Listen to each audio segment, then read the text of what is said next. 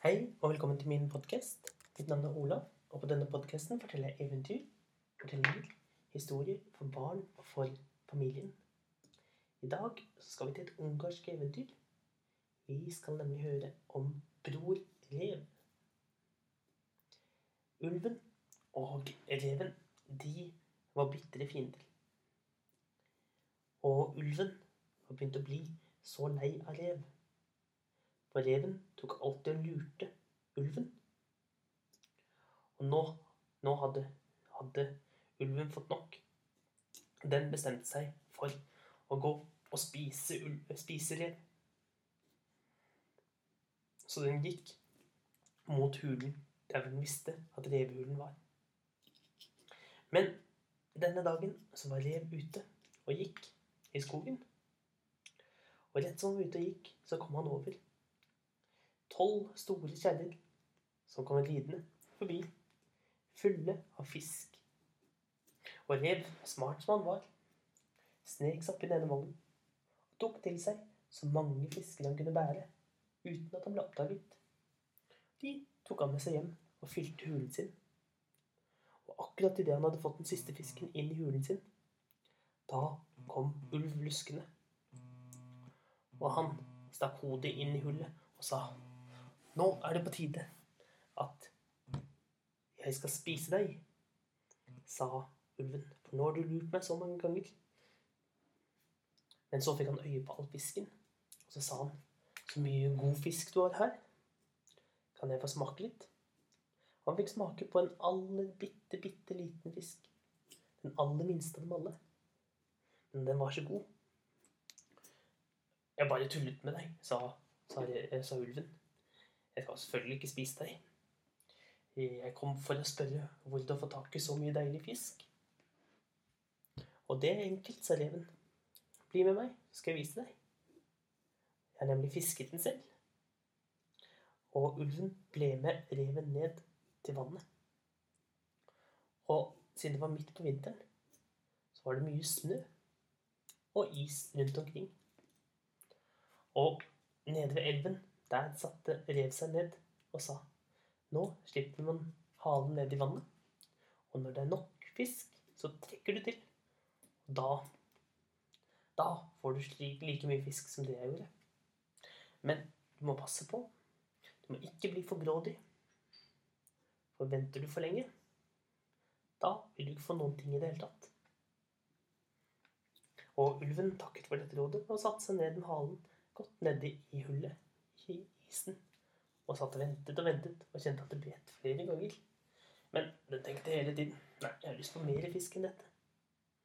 Så han satt ble sittende og vente. Mens rev skyndte seg å snike seg av gårde hjem til revehulen. Etter en god stund så syntes ulv endelig at han hadde fått nok. Han gjorde seg klar til å trekke opp halen, men se, den satt bom fast. Han kom seg ikke løs. Han rykket og rykket, men uansett hvor mye han rykket, satt han like bom fast. Da, da ble ulv sint. Han skjønte at han hadde blitt lurt. Reven nå igjen.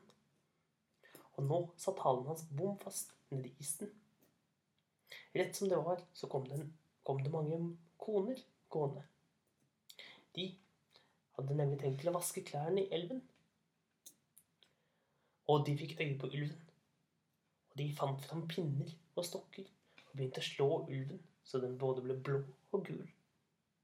Og til slutt, til slutt så klarte ulven å rykke til så hardt at den klarte å løpe sin vei. Men dessverre så ble halen hengende igjen. Og ulven, den hadde fryktelig vondt. Både i kroppen, men også i stoltheten sin, siden hun hadde mistet halen sin. Nå, nå fikk det være nok. Nå skulle han gå til rev, og samme hva, så skulle han spise reven. Han kom gående igjen til rev og stakk hodet inn i revhullet og sa Nå, Mikkel, nå er det på tide at du skal bli spist. Du lurte meg. Nå har jeg ikke noe hale. Og reven sa Bli lite grann Jeg skal i en bursdag, skjønner du. Men hvis du vil bli med, så kan du bli med. Der er det masse deilig mat. Og ulven tenkte seg godt om. Den kunne godt tenke seg litt god mat. Så jeg blir med, sa, sa ulven. Så gikk de av gårde begge to.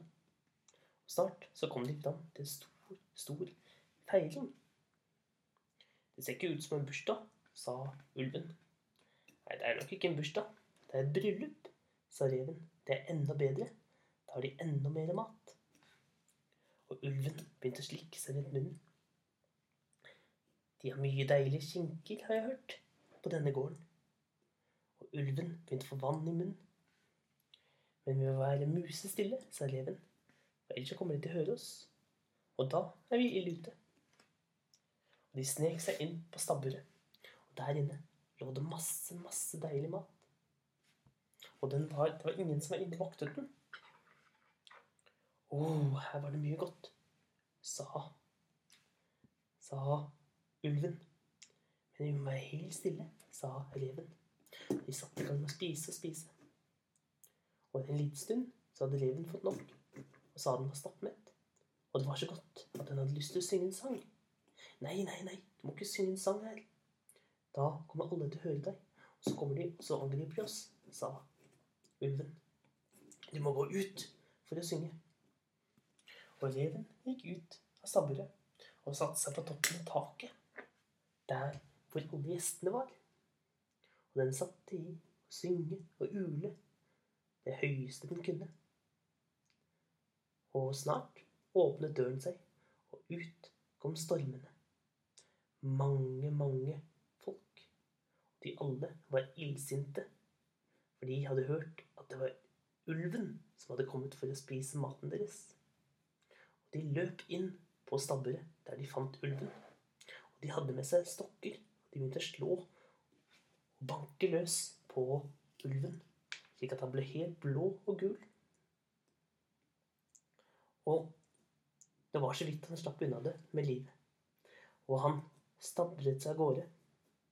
Men på veien så skyndte, skyndte reven seg å rulle seg i litt hønsekjær. Slik at og når det da frøs til, så det ut som det stakk ut benrester ut av kroppen hans. Og han la seg ned på bakken like ved ulvehuset og lå og stønnet og ynket seg. Så når ulven kom rundt hjørnet og sa 'Der er du, rev. Nå skal jeg spise deg. Du lurte meg.' Men da sa rev 'Jeg lurte deg. Jeg har jo blitt mye mer slått enn det du har. Se, benrestene mine stikker til og med ut.' 'Og du stakkars, stakkars deg', sa ulven. 'Du har jo fått enda mer juling enn det jeg har gjort.' 'Å, hvordan skal jeg komme meg tilbake til revehulen nå?' sa reven. 'Å, jeg skal hjelpe deg, bror', sa ulven. 'Jeg skal bære deg.' Og det var snilt, sa reven. Takk for det. Og rett som, rett som det var, så begynte reven å si. Den, us, den skadde bærer den uskadde. Hva er det du sier for noe? sa ulven. Nei, jeg bare sa et rim. Og jeg tenker sånn på min stakkars små barn. Hvem skal passe på dem nå som jeg dør? Fordi dette er slutten. Jeg kommer til å dø. Nei, nei, nei, du må ikke dø, sa ulven. Jeg skal bære deg hele veien, helt fram til huset ditt. Og ulven fortsatte å gå videre. Men etter en liten stund så sa reven på ny fram det samme diktet. Den uskadde, nei, den skadde, bærer rundt på den uskadde. Hva er det du sier for noe? sa ulven. Nei, jeg bare savner barna mine så veldig. Hvem skal passe på dem mens jeg er død? Det skal ikke du, du skal ikke dø, sa ulven. Så fortsatte de videre.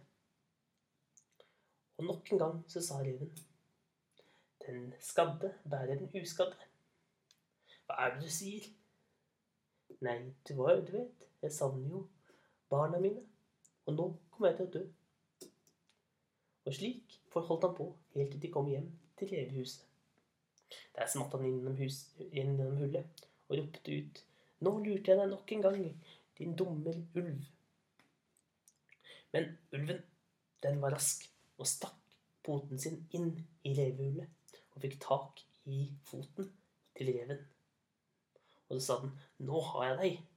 Nå skal jeg spise deg til middag.' Men reven sa, 'Din dumme ulv, det du holder i nå, det er bare en trebit. Du har fått tak i en stubbe, eller en rot.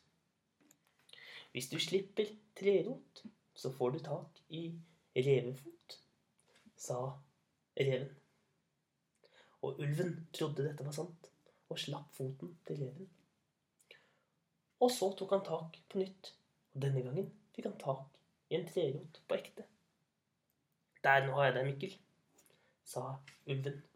Å nei, å nei. Han kommer til å trekke meg ut, klynket Mikkel Rev. Og ulven begynte å hale og dra. Men uansett hvor mye han halte og dro, fikk han ikke løs ulven, nei, ut. Og Mikkel Rev, han snek seg ut bakhullen og skyndte seg av gårde til et annet revehus. Og ulven ble stående der i mange dager og prøve å trekke ut reven. Men til slutt så ga den opp. Og den den begynte å subbe inn i skogen på leting etter mat. Og fra den dagen så har reven alltid vært på frifot, mens ulven, den er alltid på jakt etter mat, for den er stadig og støtt sulten. Og det var fortellingen om Bror Rev.